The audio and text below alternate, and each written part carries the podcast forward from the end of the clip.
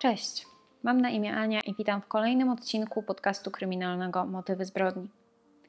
Zanim zaczniemy, chciałabym przypomnieć o subskrypcji kanału oraz o włączeniu powiadomień, dzięki czemu nie zapomnicie o żadnym kolejnym odcinku. A także, kochani, zachęcam Was do dołączenia do grupy na Facebooku, gdzie dzielę się zdjęciami do każdej ze spraw, wrzucam czasami jakieś dodatkowe reportaże, materiały, z których również sama korzystam. A także zachęcam Was do dyskusji, do dyskusji o sprawach, o których tutaj mówimy oraz o takich, o których chcielibyście może w przyszłości usłyszeć, a, a także do dzielenia się informacjami być może z Waszego rejonu. Zachęcam do rozmawiania. Nocne imprezy zakrapiane alkoholem ze znajomymi to dla wielu z nas okazja do świetnej zabawy, źródło wielu wspaniałych wspomnień i tak naprawdę naprawdę dobry czas. Natomiast czasami dzieje się tak, że coś pójdzie nie tak jak planowaliśmy, że wypijemy tego alkoholu odrobinę za dużo, a nie ma z nami kogoś, kto pomoże nam bezpiecznie wrócić do domu. Historia zna już takie przypadki, kiedy zakrapiana alkoholem impreza kończyła się tragedią. Natomiast historia, którą dzisiaj chcę Wam opowiedzieć, swojego zakończenia jeszcze nie ma. Miejmy nadzieję, że to będzie dobre. Zapraszam na odcinek. Dzisiaj przenieśmy się do Torunia, miasta położonego w województwie kujawsko-pomorskim nad Wisłą. Miasto to ma około 200 tysięcy mieszkańców, a najbardziej znane jest z Mikołaja Kopernika oraz z tego, że na toruńskiej starówce można kupić przepyszne pierniki. To właśnie tam, w 2016 roku mieszka 29-letni Remigiusz Baczyński. Młody mężczyzna wynajmuje mieszkanie wraz ze swoją dziewczyną Joanną. Para jest razem od 8 lat, od 6 mieszkają wspólnie, natomiast dwa lata temu przeprowadzili się do Torunia z Bydgoszczy, gdzie Remigiusz wcześniej studiował.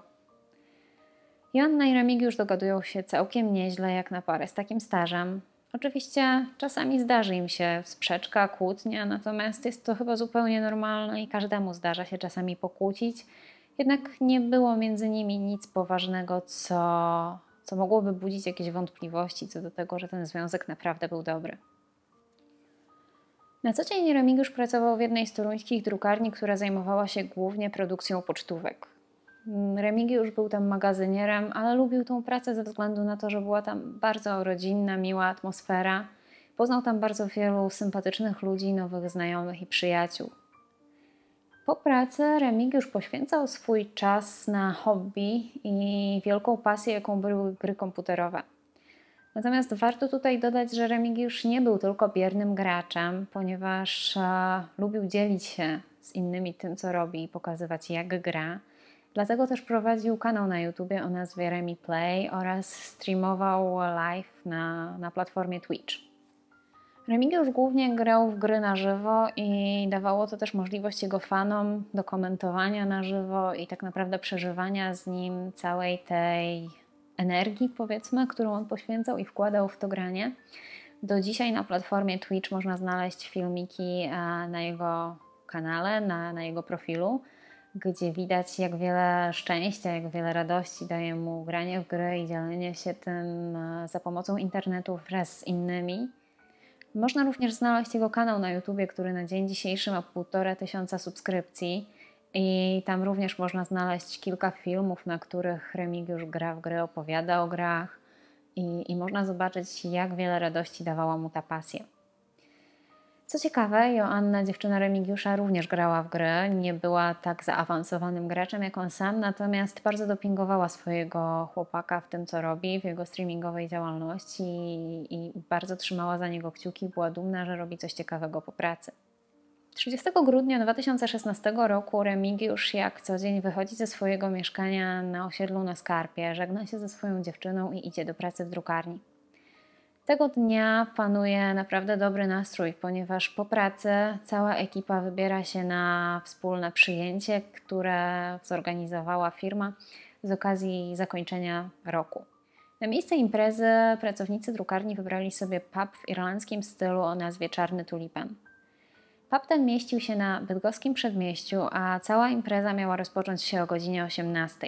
Na miejscu zebrało się około 10 osób. Wszyscy dobrze się bawili, pili alkohol, a także rozmawiali o tym, jakie mają plany na spędzenie ostatniego dnia w roku, który miał być tak naprawdę już za chwilę. Dzielili się swoimi planami na Sylwestra. Remigiusz jeszcze dogadywał z kolegą przez SMS-y jakieś ostatnie, ostatnie wspólne decyzje na temat tego, jak spędzą ten, ten wieczór. I tak naprawdę spędzili sobie kilka godzin w bardzo miłej atmosferze. Około godziny 23 ludzie zaczęli się już wykruszać, iść do domu, natomiast Remek i jeszcze dwie osoby z drukarni doszli do wniosku, że impreza fajnie się rozkręciła, więc chcieliby to kontynuować. Postanowili, że pójdą jeszcze do klubu potańczyć, a ich wybór padł na klub Lizard King na Starówce w Toruniu. Impreza w klubie coraz bardziej się rozkręcała. Wszyscy pili alkohol, tańczyli, dobrze się bawili. Pewnym momencie jednak doszło do niemiłej sytuacji, kiedy Remigiusz tańczył, doszło na parkiecie do jakiejś przepychanki, szarpaniny. Myślę, że tak to można określić najlepiej.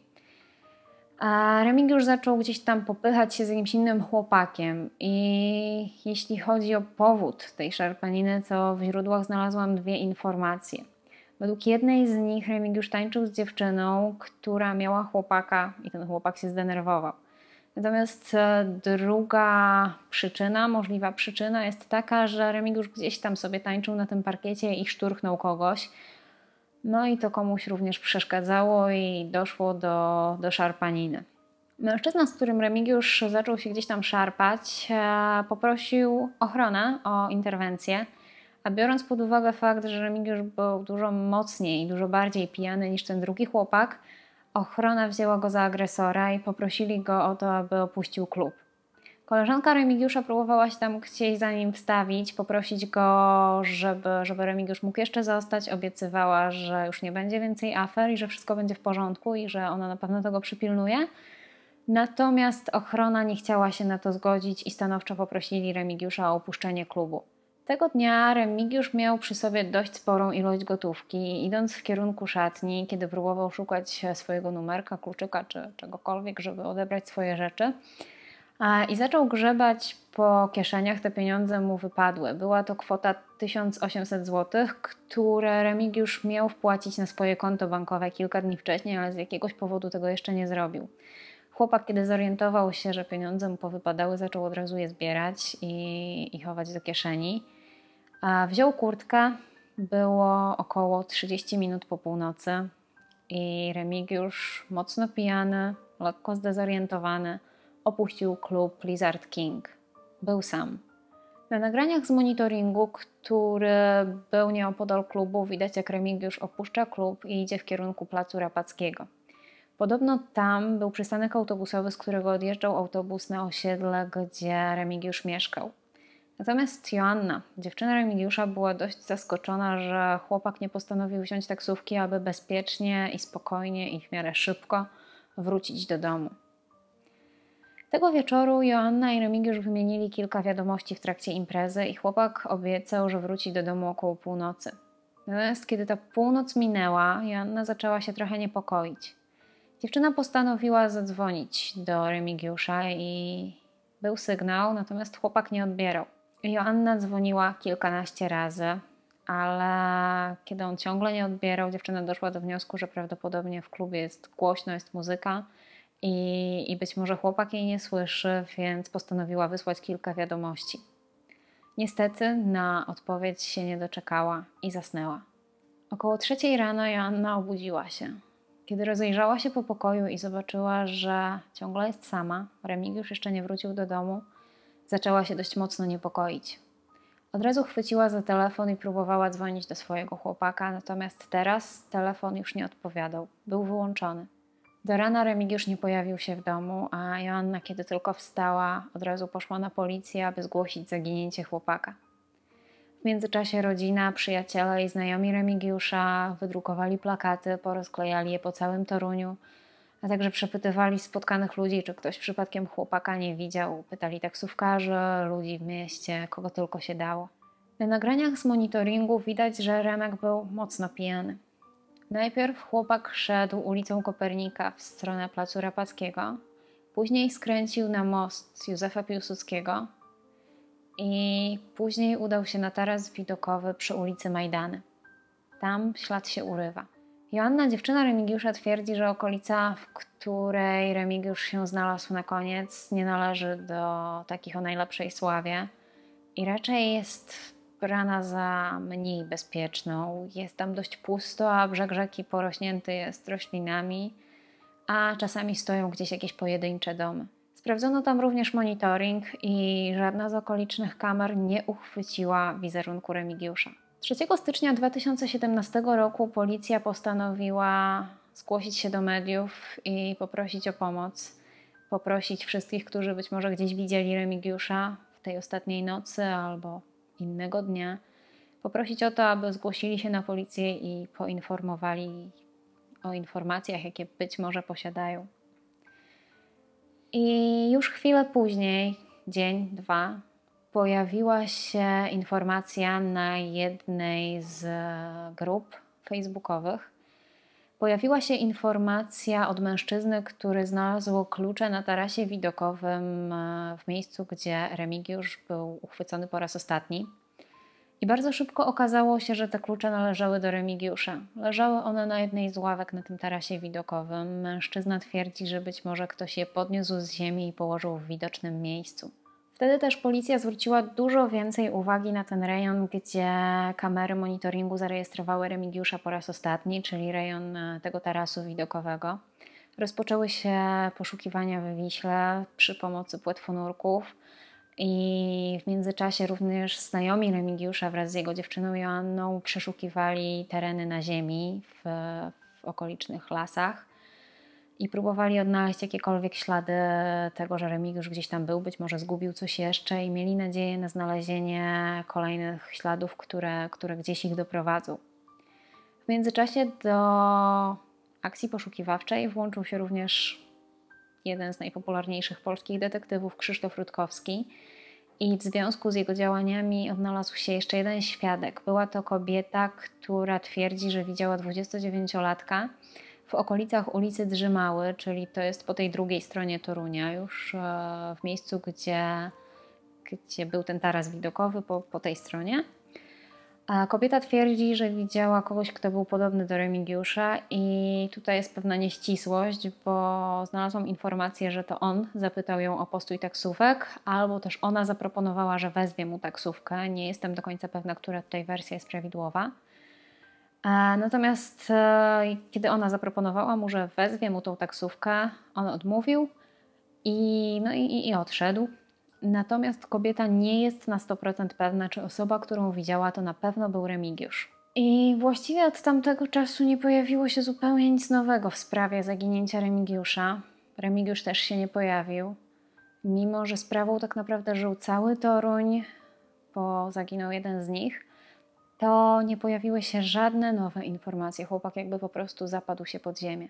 Pod wieloma artykułami na temat zaginięcia Remigiusza pojawiał się pewien komentator, który pisał wymowne komentarze, sugerując, że wie, co się wydarzyło tamtej nocy i, i opowiadając o tym, że widział krew w miejscu, gdzie Remigiusz był widziany po raz ostatni.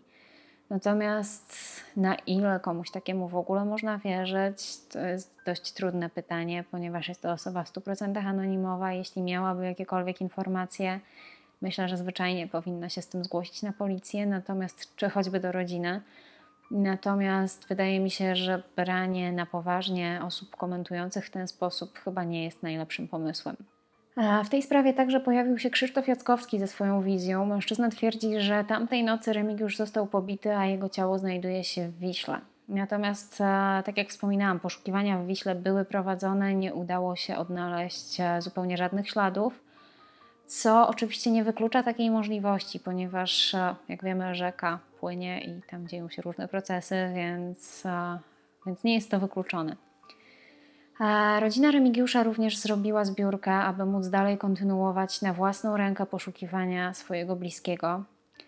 Natomiast znalazło się dość sporo osób, którzy w pewnym momencie zaczęli rozliczać Joannę, dziewczynę Remigiusza, z pieniędzy, które dziewczyna zebrała. Zaczęli oskarżać ją o to, że dziewczyna spłaca kredyt z tymi środkami.